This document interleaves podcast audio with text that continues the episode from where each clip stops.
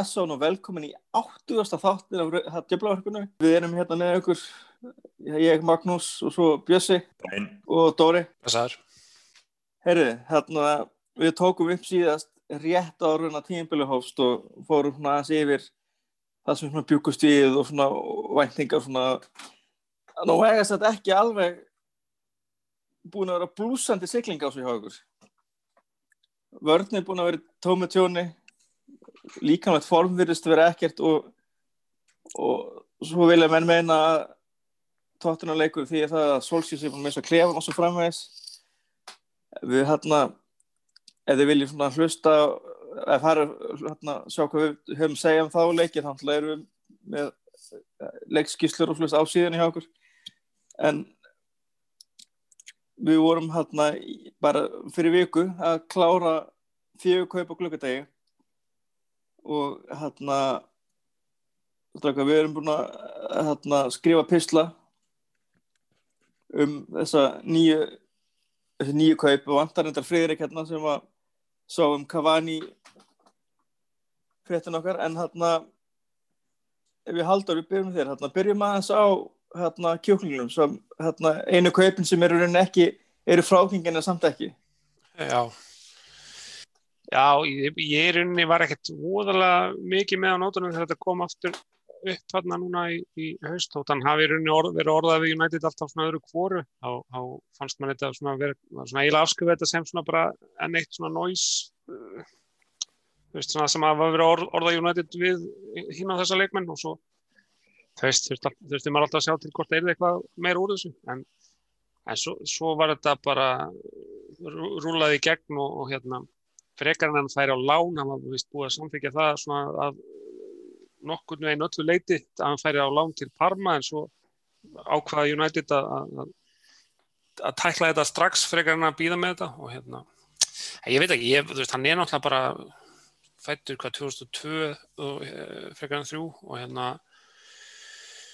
þannig að maður býst ekkert við að hann komi bara eitthvað og, og, og spili mikið en, en veist, spennandi er hann, hann er sannlega mjög spennandi og, og hérna það verður áhugavert að sjá hvað verður úr hann, hvort hann verði veist, leikmaður sem kemur inn og gerir eitthvað tilkall til þess að, að spila strax eða hvort hann verði bara einn af þessum mörgum efnilegu kjúklingum sem fari í yngri liðin og hérna svona sem er verið að þróa í eitthvað áhugavert sem getur kannski borga sig á, á næstu árum þannig að maður svona verður bara að sjá til með það já.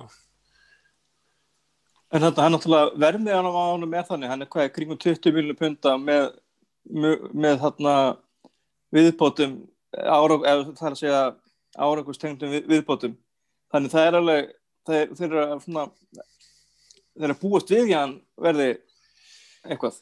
Já, þetta er svo sem ekki verðmiði sem að maður er að sjá á þessum sem þeir eru að kaupa eitthvað beint í, í, í hérna, yngri liðin, veist, þannig að þetta er, alveg, þetta er alvöru verðmiði á, á honum, sko, en mikið af þessu, er, ég held að sé, sko, í fréttunum að held að helmingurinn af þessu sé tengt einhverjum árangurs, ára, árangri í rauninni og ég held að ég séu líka með einhverja klásulum að fá hluta af peningnum ef hann verður saldur áfram.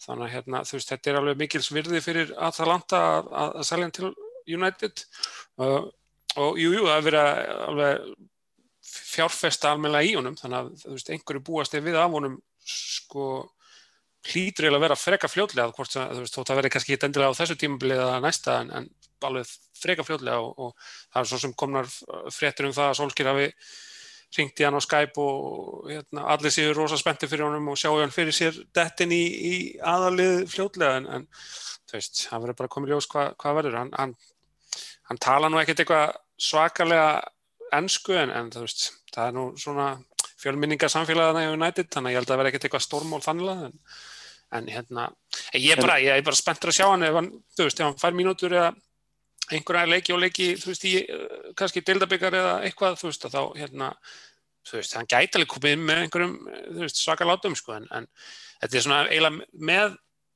þú veist, af þessum fjórum sem komu inn hann á gluggadeginum þá er eiginlega bara eitt sem ég hef einhverja væntingar fyrir, það eru þrý sem að maður hefur eiginlega engar væntingar fyrir og tveira því þeir eru ungir og einna því hann er gamall en það er þessi fjóruði sem að er eiginlega eini sem að gerir alvöru væntingar á og það er svona maður hefði alveg viljað fá fleiri inn sem að maður væri tilbúin að fjárfesta væntingum í, sko, ef maður getur orðað þannig. Þannig að, þú veist, mér er svona, mér er svona full hátt hlutfalla leikmennum sem maður býst eiginlega ekki við miklu af. En talandi um það, hérna, Björsi, þú hérna talar, hérna, skrifaður um þennan sem við vorum spenntir að fá. Og hérna segja okkur hans frá Alex Telles. Já, já, það er hérna hann, hann hefur verið svolítið lengi að komast á þennan topp sem að já, hann á að vera að koma núna til okkar. En hérna það eru allir rosa sammálum það þetta sé hérna þetta sé leikmaður sem sé alveg viti. Hann er, hann er náttúrulega það sem að það er einn lengin núna hann er mjög mikil slungnar bakverður þannig að það ætti að opna einhverja dimensjón þannig og svo er talað um alls konar í kringum þetta þetta opnum möguleika og Lúksjó verið þriðji hafsend. Uh, Scott McTominay náttúrulega að spila hafsend fyrir Skotland núna í vikunni. Þannig að þetta er já eins og Dóri segir sko það er það er rosa auðvelt að vera ekkert spenntur fyrir þessum leikmennum í raun og veru ég vil ekki tella sko veina aðeins, en hann, hann er náttúrulega svo sem á klárlega að ganga inn í lið og, spila alltaf líki það er held ég alveg ljóst. Uh, mann líst vel á standi á Cavani hann er með sinn sixpack og, og lítur vel út hann í sig en hann var náttúrulega meitur svona okkur í fyrra. Uh, svo er, svo er með þann að Amad Diallo sko að ég held að hann hljóta að verða að spila flesta leiki á Ítalju fram að jólum til að hérna komið því maður er að sjá alveg alls konar staðhæfingar hvað þetta sé leikmaður sem United sé búið að horfa á. Guðum að þetta hvað lengi tvö ári eitthvað svo leiðist, nú er ég að tala um Diallo. Að hérna og, og einn var bara já fyrst að það er ekki hægt að fá ansu fati þá er þetta næst besti kostur sem að hérna ég veit ekki en ég horfði á þá staðhæfingu með bara skjálfingarklamp í hugunum það er ekkert lítið sko. En það var ekki líka að tala um það að Mútvart hefði verið búin að vera að semja með þessu kaup núna í hvað heilt ár? Og svona með að við svona hérna, gangin á kaupinu hjá okkur það kemur eiginlega ekkert óvart. Það virðist verið svona standard tími það tekur að kaupa einn leikmann hjá United. Það er nákvæmlega þannig. En hérna, já þetta eru tveir vonarpenningar og, og Cavani sem eru svona ég var að kalla þetta hálfgerð fólk á kaup, maður er spenntið fyrir þeim en, en maður þorður ekkert að vona neitt sko. en hann er Nei. að segja allar réttu hlutin og hann er hann er hérna alveg tilbúin í að hérna sanna sig og fyrst í leikununa fyrst að hann fær ekki að spila mútið núkvæmst verður ég að vilja á múti Paris Saint-Germain sem verður áhugavert að vísu fyrir auðum auð, auð, stúkum en, en samt. Já, er... er náttúrulega áhverð, þeir náttúrulega Paris er náttúrulega búið að vera í tómi tjóni hérna með COVID og svona, þeir eru búin að vera að spila, stilla upp alls konar liðum og búin að tapa tapa törverta leikjum núna held ég. Maður veit náttúrulega ekkert hvað er að fara að gera núna sko, þessi landsleikja leikur en að að dreifa, dreifa hérna veirunni hist og her Já, já, við þekkjum hérna heima sendur bara hverjur í landsleisopin heima og, og til Rónaldó Ég ætla þetta endi ekki með því að við, við haldur þurfum að stjórna, stýra leiðinu á mögutæði. Tökum þetta bara gegnum Zoom? Já, já. Mér finnst það bara mjög eðlert. Fer ekki tólunum þetta orði bara? Já, ég held það bara. Eru mm. þið búin að vinna ykkur það einn að minnstakosti? Nei.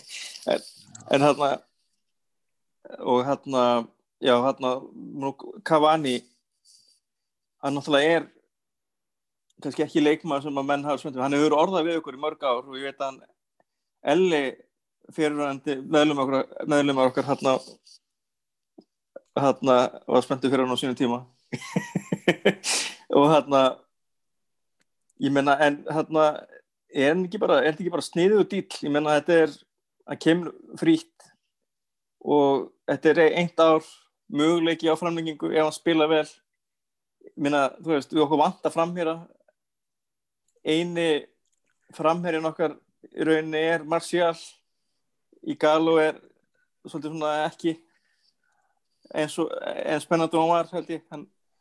Þetta eru, Þetta er fín, upp, er fín uppfæsla á Ikalo, stöðunni sem svona einhver sem að, veist, en hann væntalega vil gera tilkall til þess að vera meira, í meira hlutverki heldur en Ikalo var, en veist, það, ég meina, ef þetta, ef þetta smellur þá er þetta frábært, en þú veist, maður svona getur eiginlega ekki alveg leift sér að búast við því eftir sko að því manni, manni finnst mörg svipuð kaup eða, eða frí transfer til United á síðustu árum. Þannig að þetta er svona ferið þennan flokk með bara, já ég, ég er ekki viss en þú veist vonandi vonandi gengur þetta brákjallega og, og ef, ef hann finnur sig þá, veist, þá skorar hann mörg, við vitum það alveg. Þannig að veist, þetta gæti alveg verið bara mjög sniðugt en, en þú veist það er erfitt að vera með einhverja svolítið svæntingar á hann þú veist, þetta er svona eins og þú veist þegar, þegar til dæmis Slatan kom þá þú veist, þótt að hann var í gammal þá gæti ég alveg sett væntingar á hann og hann svona stóðað miklu leiti undir því fannst manni.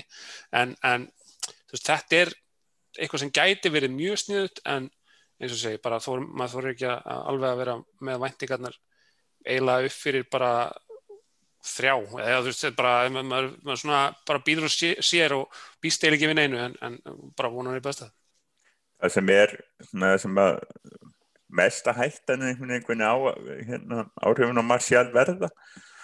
Þannig að hann er ennú ekkert alltaf sko það, mér finnst ekkert rosalega líklegt að þetta verði eitthvað til þess að Marcial fara að stíga eitthvað upp.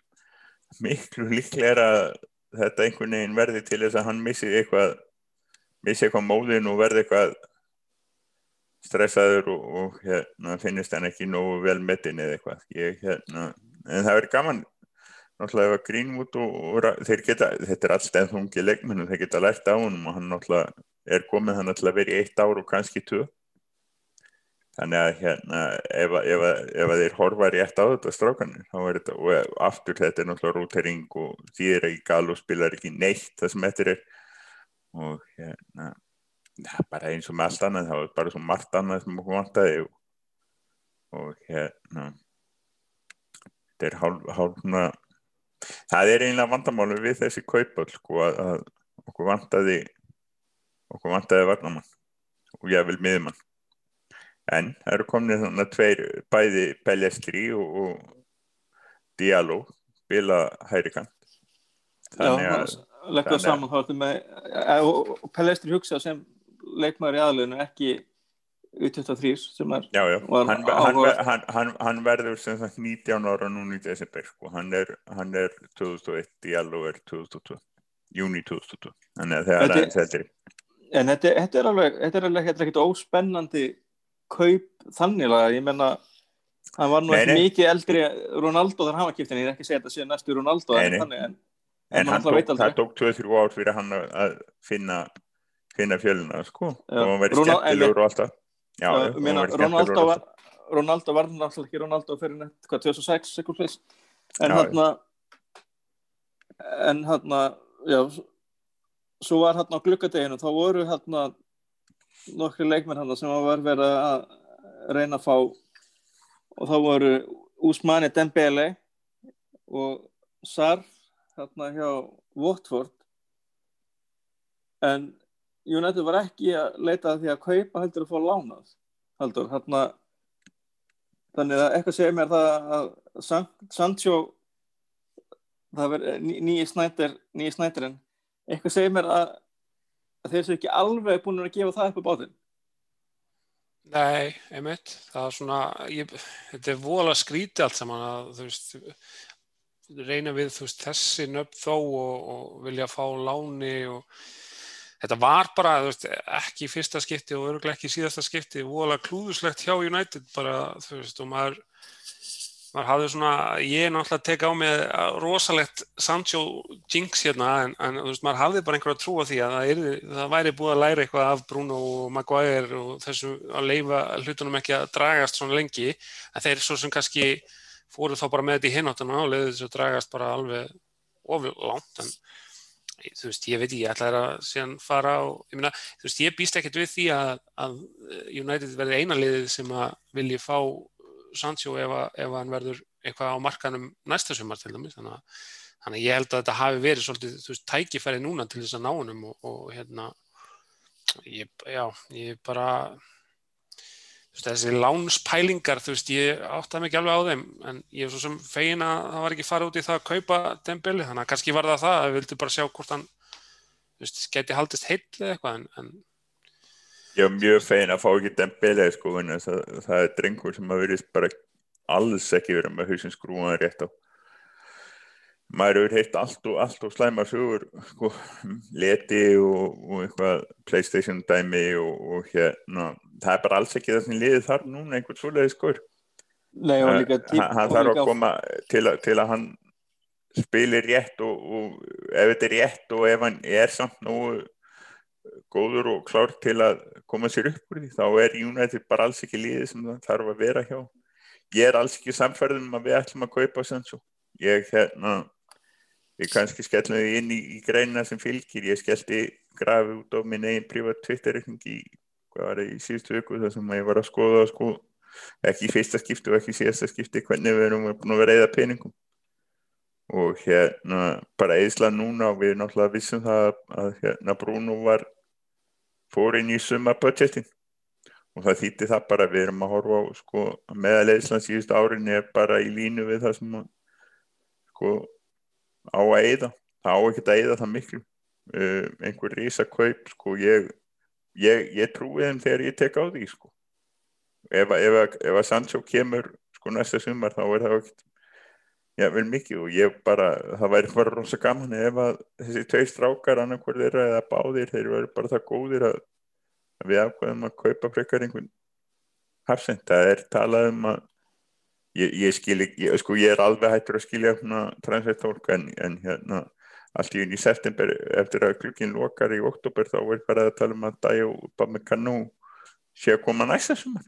Ég meina veist, þetta er, ég skildi ekki, ég las ekki inn þess að frétti en hérna en þetta voru allt frúlegt og náttúrulega á þess að við finnum eitthvað að tala mikið um það núna þá er náttúrulega sæti hjófli sjóðheitt og, og eigandur er alveg til í að rekan til að opna hringinginu aftur sko. Já, og þá verðum alltaf bara fastir á eða liði verður alltaf bara fast á sama stað með þetta heldur áhrifma því að, að það er náttúrulega augljóskert vandamáli er og hérna að, að sé, liðið sé ekki styrt þar sem þarf að styrkja eftir til að byggja á álugvísinsnýjabili þá er náttúrulega bara búin garantinn að það fyrir með ekki mestaröld þurfum að eða mjög miklu næsta sumar. Násileginn mestardelt og svo ekki eða neinu. Þetta er bara hver, hver er hérna, net, hérna hvað er hérna neðarlegistan hérna með sölum núna sem það er ekki, hvað, 40 miljónir Nýja Já, býsa, hérna meðal með, svona, með kaup með sölum þá er þetta hvað 40 miljónir sem búið eða Í núna Já. Nei, hann, hann, það er hérna nei, hann er eitthvað aðeins meira er Nei, náttúrulega Diallo er ekki komin, sko.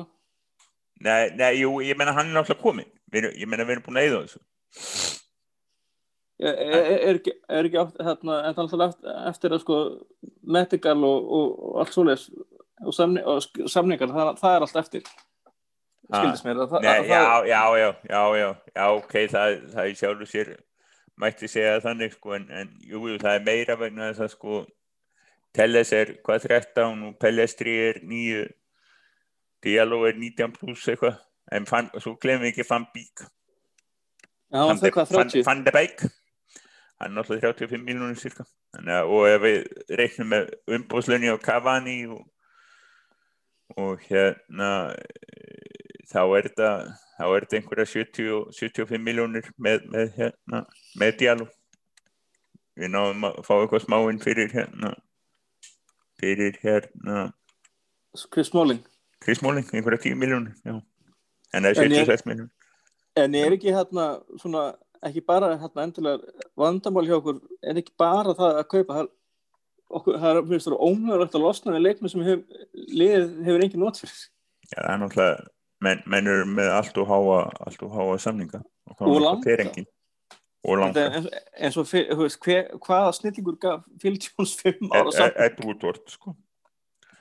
Men- Nei, menna, þetta, þetta, þetta er bara staðrind við erum átt að hafsenda og losnum við einn. Og það var alls ekki svo vesti. Ekki svo næst vesti, ekki svo næst næst vesti og ekki sko.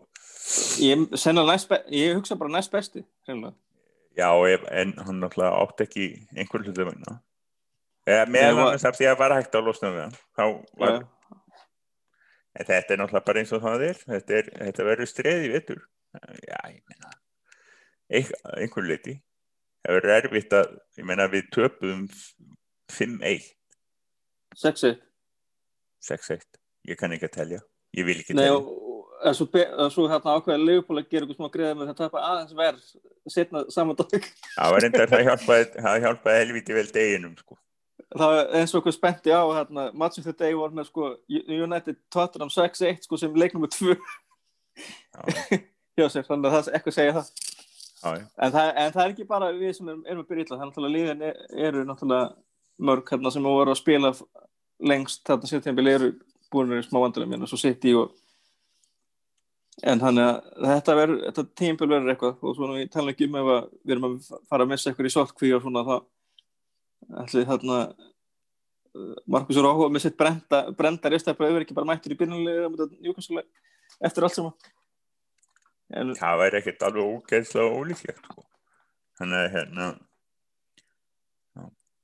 Róho og Bæ hafsend einhver Já, hérna, mér langar að hérna, ánum förum í hérna svona aðallið þáttarins sem við erum alltaf mjög spenntir yfir og ég veit að þið hlustundir eru það líka en hérna ég voru að hugsa hérna sérstaklega til tvattunuleikin hérna og þá var maður ekki hvort að byrja orða við við tellast fyrir leikin eða e- eftir leikin eða hvort það hefur verið aðeins á eftir en horfum það leikin að hérna Luke Shaw getur verið svakalegt liability hérna í vörninu. Ég fór um þetta að hugsa, hvað gerir Luke Shaw vel? Og mér langar kannski að byrja, Halldór, eða þú veit að segja, veist, hvað, hver er helstu kostur veist, hvað myndir þú segja? Sko, mér finnst hann alveg geta gert nokkra hluti vel, en hann bara gerir það ekki nógu stöðugt. Það er bara, þú veist, mér hefur til dæmis fundist oft að eh, þegar hann hefur náð upp sko samspili við Rashford á vinstri vangnum og þá er hann, getur hann verið sko mjög svona góður þáttur í sóknarleiknum eða sóknar upp, uppbyggingunni þótt hann sé ekkit endilega kannski að koma með stóðsendingar eða skora mörka þá er hann svona hann er að taka hlaup og opna á og svona taka spil með með Rashford yfirleitt og stundum öðrum leikmönnum sem að svona, veist, hjál- hjálpa til við, við sóknarleikin en, en gallin er hann að, þú veist, hann dettur líka í bara það hverf algjörlega og, og vera ragur fram á við og þannig að þetta er ekki eitthvað sem þú getur treyst á þótt þetta eigi að vera hans kannski helsti kostur þanniglega.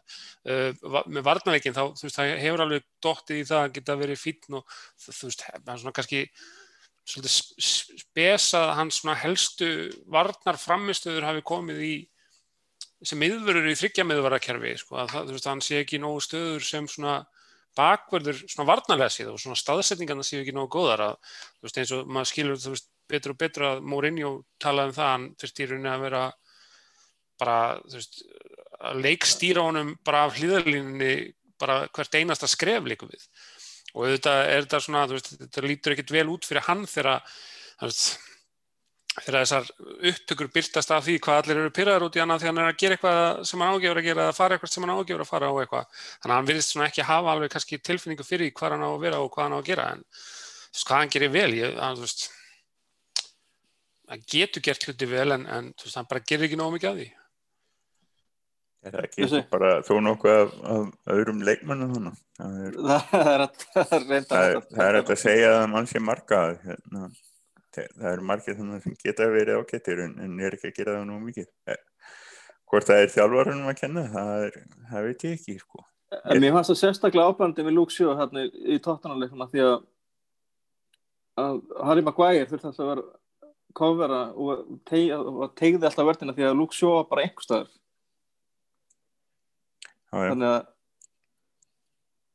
og svo náttúrulega Mor- eins og talandi um Mourinho náttúrulega þá tala hann eftir leikina að þeir voru búin að kortleika United að sækja bara bakverðina að því að við sem það Bissaka er ekki vel spilandi fram á við og og, og svo hérna annað er að Greenwood og Rashford verjast ekki þannig þeir dopp- doppluðu bara á bakverðan okkar og tókum bara í nefið bókstálega geti að láta United menn vita af þessu að, að það er verið að horfa á það, það er ekki verra. Þetta getur í hjálplegt sko að, að hérna, stjórun getur bent á þetta og sagt hérna, ef við gerir þetta ekki rétt þá, þá er þetta ekki rétt þá hérna já þá, þá, þá er það er vita hver, hvað þið eru að gera vittlust þannig að ætla að halda áfram að spila í liðinu þá verður það að gera svo og reyna að laga þetta. En það verður frólægt að vita hvernig uh, leikurinn verður. Þetta er, hvað, sundarsleikur er það ekki? gott eða ekki. Hann að talað um Rashford að þá hann eins og hann er búin að standa sig bara eins og heti á utanvallar, maður er ekkert smá bara ánað með hann og búin að fá MBA orði og, og allt og notað samtæki færa til að til að kom, hérna, ganga lengra í, í sinni baráttu sem er bara ádáðanverð og væri nú, mikið væri samt nú gaman ef hann væri að spila betur. Náttúrulega, hann náttúrulega bara einn af þeim sem hefur bara, hann var að spila meittur í allt sumar. Eða svona, hann, hann, stóð aldrei almennilega upp úr þessum meðslum hann var aldrei búin að ná sér almennilega og svo náttúrulega er ekkert frí og hann fer sko í landslýsverkefnin og, og allt þetta, hann er bara einn af þessum mönnum sem er alveg mörgulega döðþrykti þetta verður alveg rosalega sko þetta verður mjög erfitt tímabil. Þetta verður fyrir og ansi marga aðra en United líka. Þetta verður langt og erfitt.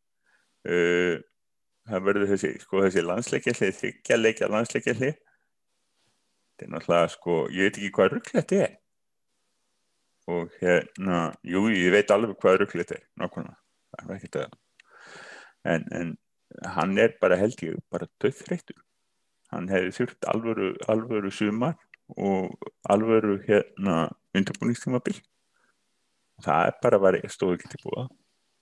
Og, og það eru ansi margir þannig og það er ekkert bara United eins og það er áðan sko. það er ekkert bara United sem er í, í hálfgerðu tjóni eftir núna þegar tímabilið er að byrja mér, langar hérna að spyrja henni hérna bara svona, svona áður við slítum þessari umræðu og svona förum í viðtalið að að hérna ennska knastmyndisambandi ákvaða fyrir þetta tímabil að hætta með fimm skiptingarna sem voru, voru í sömar og fara aftur í þrjár. Og við ganga bara svona á línna og voru það ekki bara mistök? Meikar það einhvað sens að að vera ekki með fimm skiptingar í þétt skip, skipaðasta tímabili allar tíma Haldur Ég manni finnst það svona, þú veist, þegar maður sér hvernig þetta byrjar og þú veist, þetta bara, þetta er svona bara í byrjun, hvernig verður þetta þá eftir jólatörnina eða eitthvað?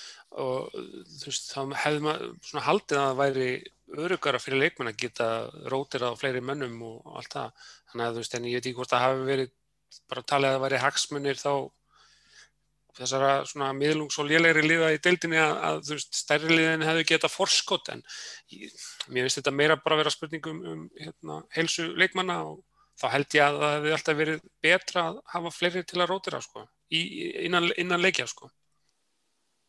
Þetta virkaði mitt sko á mig svolítið eins og rétt ákvörðun okkur að þau nú var tekin út af þessu að, að hérna, þetta er náttúrulega augljóslega spilar þetta upp í hendurnar á þeim liðum sem er með að hópa en, en ég veit ekki, ég er um minni þetta, þetta lítur rosalega illa út eins og þetta byrjar og hérna, maður veit ekki kannski er, þeir getur örgulega breytið sem þeir bara vilja. Og ég held að ég held að það verður fróðult að sjá núna eru, núna eru sko sex leikir fram að næsta landsleikja held ég og þetta verður rosalega erfitt. Það er ekkert flókið sko En hann er langar að spyrja líka einu, hana, það var hérna Liverpool og United voru, eru saman með tillögu um breytingar hérna á kerfinu, deltakerfinu hérna úti voru að sting, Ég held að alveg ótíma bara að ræða það eitthvað, þetta er bara svona fyrstu, þetta var leki og fyrstu tillögur, lítið mörguleiti vel út og, og svo er þetta bara, þetta var þetta að rúla í allan veitur. Þetta var samt átjánda draft, þetta var, þetta var ekki... Já, en sko það, það er átjánda draft hjá þeim sem er að sko sitja á þessu sko. Já, mér finnst bara ótrúlega að þetta hafi verið, þú veist, þetta hafi verið í vinslu þetta lengi og það, það sé núna fyrst að leka að, í, sko, í að átjónda útvæslan að þessu sé að leka. En ég, já, ég held að Þetta þetta er þurfum að verið eiginlega United og Liverpool og, og það sitt sko, það var eitthvað voða lítið annað þannig að ég held að En, það, er nokkur hlutur þarna inni sem að eru áhugaður, sem að er hérna, þetta væri hérna eins og þetta bara að taka út deildabökkarinn og samfélagsskuldin, þið vilja losna á hann leika. Já, ég meina áhugavert og áhugavert, þetta er náttúrulega bara hluta, sko, ég, ég er búin að sjá, menn eru svolítið að fara að ringi mér ekki, þeir sem voru fyrst að móti þessu og eru núna með þessu og ég held að sé skynsanlegast að líta á þetta bara sem hluta að núna þegar það er búið að leka þá verður þetta bara einhver, einhver meiri átt að lung sam, hérna, stæsti kallin við þetta er það að hérna, sko, þetta virðist vera frekar ástættanlegt fyrir neðdildinnar og, og allt og ástættanlegt fyrir top 6 sko. það eru hinlegin í League sem að hérna eh, koma, koma verst út úr þessu líklega. Þannig að þetta verður umræðin áfram með að geta fallið. Ég ekki bara það heldur líka hvernig peningarnir dreifast sko. það verður auðveldur að vera top 6 sko. þannig að þetta var bara eftir að malla engin ásett að hafa að gera þessu alveg strax En þetta er, okkur stið, þetta er allan að, er að einhver svona hreyfing og vandi er þetta að gera einhver kompromæs. Ég væri til í að, ég get alveg sko hugsa mér að halda deildin áfram ef, ef, ef væri þetta að taka bara út deildabyggarinn og, og jafnvel setja inn og þú veist, að hætta sér í desember vittlesu. Ég meina, fyrir hvernig er þetta skemmtilegt? Ég, sjónvarpið ég finnst samt eitthvað svona skrítið við þetta, veist, það er eitthvað pínu óbræð sem, eða pínu, það er eitthvað óbræð sem fylgir því að þetta sé, sko, United og Liverpool sem séu í samkurli varðandi þetta þetta er náttúrulega kemur af því að, þú veist, bandarískum eigandum og, hérna, og eitthvað, en það, þú veist, það, það er náttúrulega bara sýnir eitthvað nútíma boltan, en, þú veist, það finnst það bara frekar glata samt, sko, alveg sama hversu góð hugmyndin er eða ekki, þú veist, þá finnst mér bara eitthvað við það bara ótrúlega lélegt, þú veist. eigendur bandaríkra fótbolta og liða og hannabólta liða þeim eru allt sem heitir sko pall og, og svona þannig að hérna, já ég er alveg saman á því þetta er svolítið amerískar hugmyndir og þessi er náttúrulega ekkert aðlega ekkert þannig, ekkert, að borða það sem ég er í bandaríkinu þetta þetta er auðvitað bara byrjun á lungu samningaferli Já, ég hefði, peningarnir tala á endanum það er bara því miður þannig já, en, en náttúrulega, þú veist, sér frá því hvaðan þetta kemur, þá er þarna, samt sem áður, eru nokkur hlutir þarna sem eru sniður og eitthvað sem að má skoða. Þannig að, þannig að, jú, hérna, maður, maður er ekki alltaf vel við þessar eigendur okkar, en hérna, því miður verður bara að segjast að eigand, bandarísku eigendur Liverpool eru er svona í klassaflófan okkar það er allan að, er allan að áherslan þar er að vinna, vinna eitthvað en hjá okkur er það að fá nýja partnera núna síðast Er, er, það ekki, er það ekki bara svipað og er munurinn á liðunum þeirra úti og, og, og í, bandar, í bandaríkun? jú, jú, það er það náttúrulega ekki það bara- lið, hefur aldrei bara, það lið hefur aldrei unnið neitt neinu viti. Nei, ég er, að- já, ég er, já, Tampa Bay, þeir voru, fóru í Super Bowl einu sinni, síðan ekki meir. en þeir eru náttúrulega með Tom Brady núna þannig að það er spurning hvað, það Er gerir það ekki bara Cavani? Hann er ekki bara Cavani eða, eða hérna Falka á en hérna Haldur, hérna við erum með hérna gest á línunni hérna segja ykkur aðeins hérna við, við, hérna, við kunum eftir að fara að tala fyrir okkur. Herru, já, ég hérna ákvað að senda skilabóð bara því ég sá að hérna, Dimitar Berbotov var að gefa út bók og að hvort hann myndi vilja kíkja í spjall í, í djöflavarpi til þess að kynna bókina sína og kannski spjall eitthvað um, um þú veist, United. Og hérna svo kom svar við það hann, hann var nú tilbúin í, í það. Þá var reyndar Tommi búin að stela þessari hugmynd hjá mér og fá hann í sjónvarpi hérna. Ég var búin að senda þetta var ekki, ég var ekki að herma eftir honum, ég var búin að senda mína fyrirspurn áður en að koma í Íslands sjónvarp en, en ég eiginlega átti samt ekki endilega vona að fá hérna, svar hvað þá jákvæmt en hann gaf sér hérna, tíma, hann er upptökjum maður, gaf mér 20 myndur hérna, ég svona reyndi, ég, sko, ég hef ekki þetta eitt öllum tímanu bara í að tala um þrennuna gegn Liverpool eða, eða snúninginans þannig að ég svona þurfti aðeins að hemja mig í því að, að ræða ekki alveg það, það skemmtilegast að svona frá hans uh, hérna blómlega ferli hjá United svona meira upp en niður þótt að það hef ekki allt verið uh, dans á rósum um, þá hérna ákvæði ég svona fókusur að ég er náttúrulega að spyrja hann aðeins út í bókina bara því ég bóka kallt sjálfur og, og, líka því að það var svona smá svona skilir fyrir því að fá hann inn í þetta og svo ákvæði ég bara að taka svolítið snúning á hvernig staðan er núna, hvernig hans sín væri á það allt saman og, og hérna ég hafði mjög gaman að ég spila það sko. Heru, hérna, við hérna heyrum núna hvað Dimitar hafa að segja So, Dimitar Berbatov, welcome to the Icelandic Red Devils podcast, and it's an uh, honor to have you with us on, on the show. Thank you very much. Thank you for having me. Well, first off, I'm a big book guy myself. I love books and I love football, and I love books about football. And you just published the English version of your biography. Can you tell me a little bit about that book and what was uh, the most important for you when you when you wrote it? Yes, exactly. I, I had published my autobiography in English uh, now the Bulgarian version uh, came one year ago almost. It was a great success here in Bulgaria, but obviously I wanted my fans outside Bulgaria to know my story, my whole story, and for them to know uh, small details uh, in my career, in my life. Uh, some of them think they know everything, but actually they don't know uh, how things were going on in my in my football career, in my life, in my uh, difficult times, good times, uh, things that were going behind the scene that people don't see and then know they don't know. And I put this everything into my book, and I'm very proud and very happy because I explain everything how it is. I'm completely honest, and of course, uh, you can get that book from my website, which is berbatov.com, and you can enjoy it, even if you're a fan of United, of Spurs of Leverkusen, even if you're not interested in football uh, or you play different sports, I think you can find it uh, interesting, in my opinion, of course. Yeah, yeah. I, I already have my copy on the way. I, I, I just have to pick it up later today, so I'm I can I'm looking forward to reading it. I hope you enjoyed it then. Yeah. Uh, was there anything that uh, was a, a, surprise to you when you uh, were writing the book, like uh, in the process of of, of uh, writing a biography? Because I, I bet it's a, a, kind of a new experience for you uh, writing a book about your life and, and uh, you know. it was it was but as i said because there was a period uh, of one year between bulgarian version and english version i now i was used to it. I know i, I know the whole process. When we start in the beginning to gather on the information for, about the book that was the difficult part you know to remember stuff that was uh, that happened 20 years ago or even further down the line you know that was the most difficult part for me. And we needed to write a lot of stuff.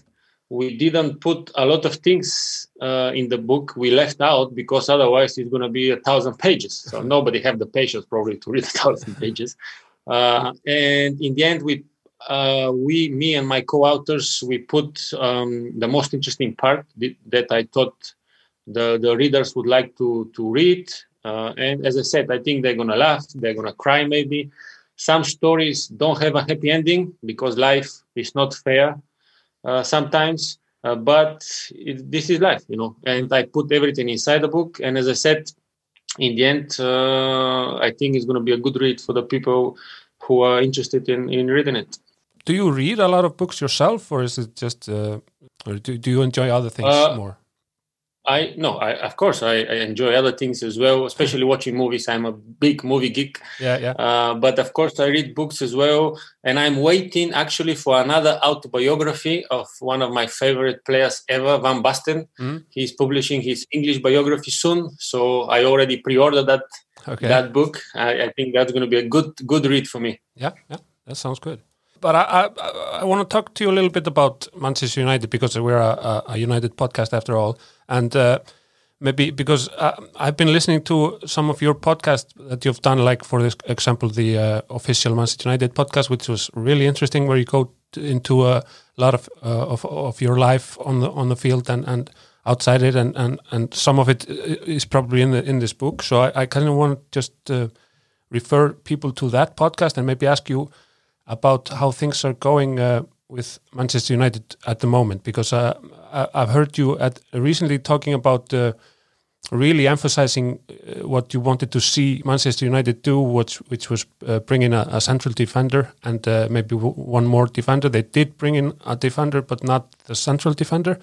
W what did you think of just the the final day of the transfer uh, window when the, those four players were brought? Um, three of them attacking minded, but one a left back and no uh, central defender. What did you think of of, of the window?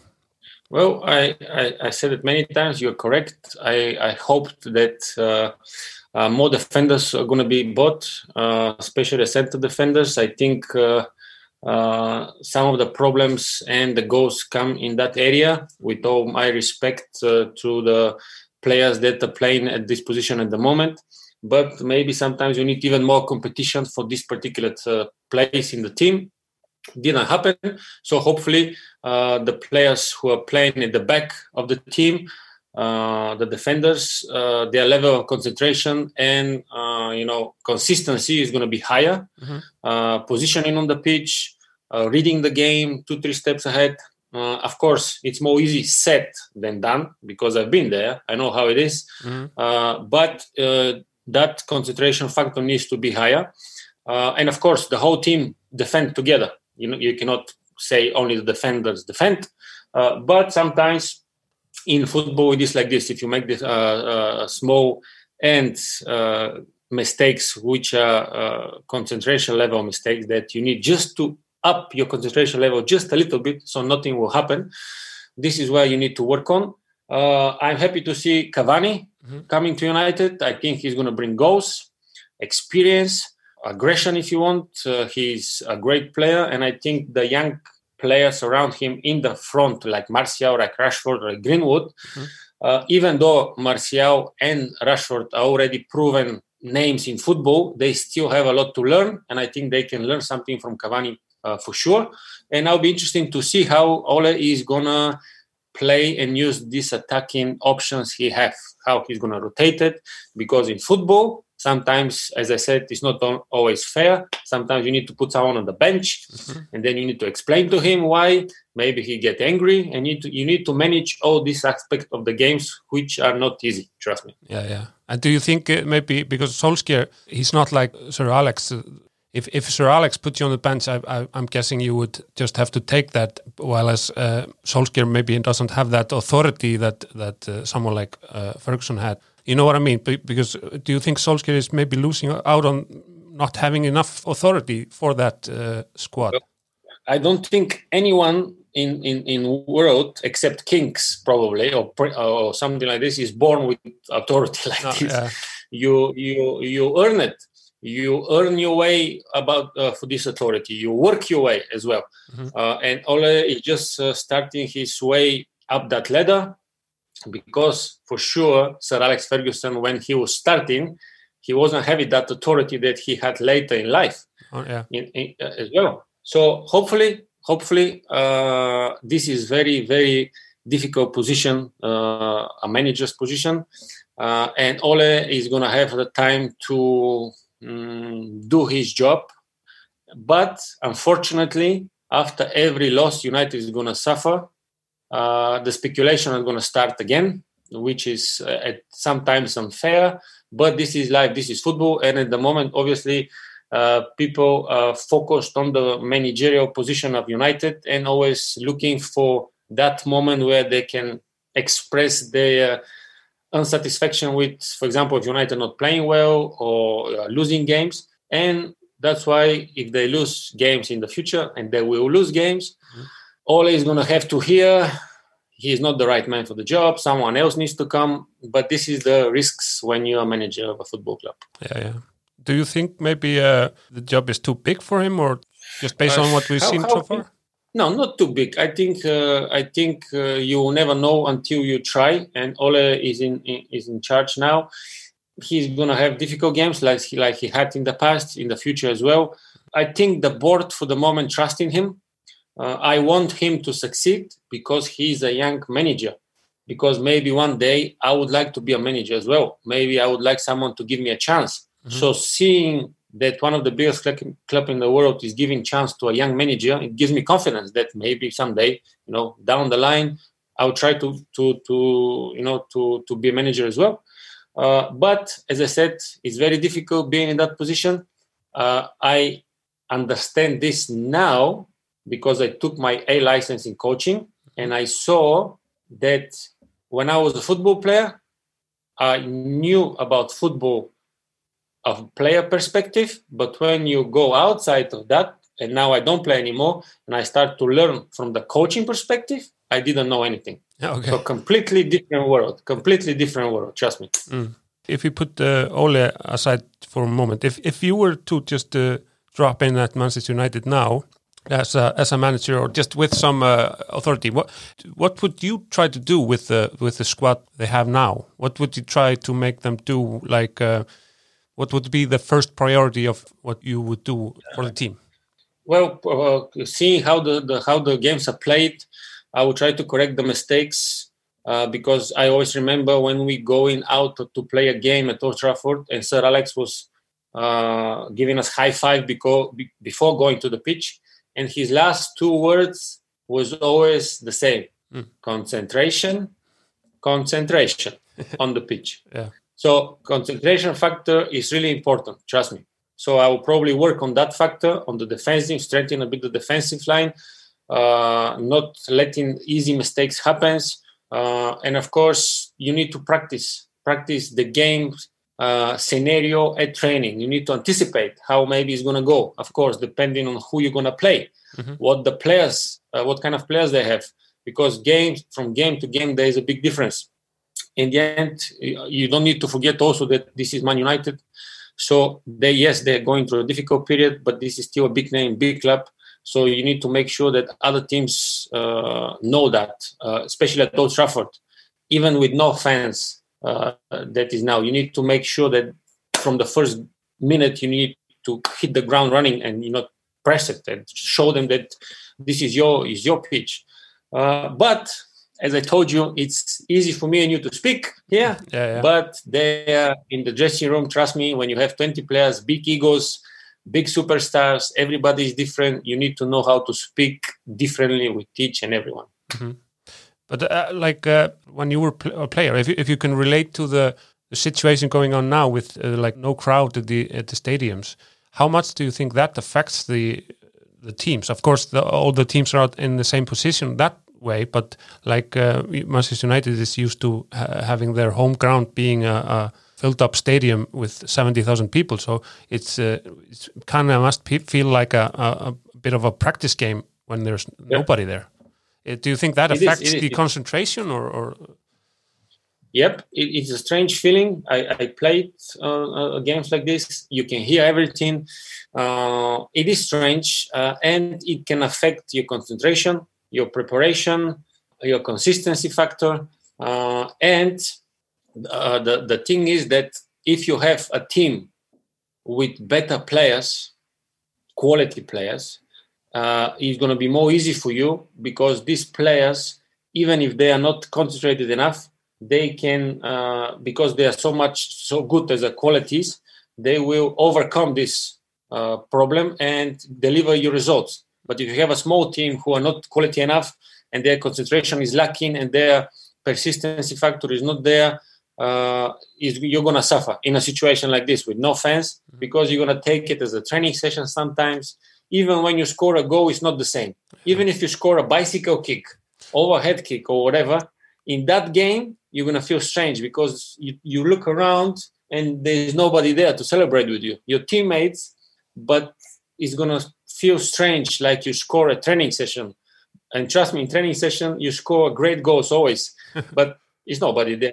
Just like yeah, give me high five and that's it. and It's over. While yeah. in the games you're pumped, you're screaming, the fans are there, but it is what it is at the moment. So you need to deal with this.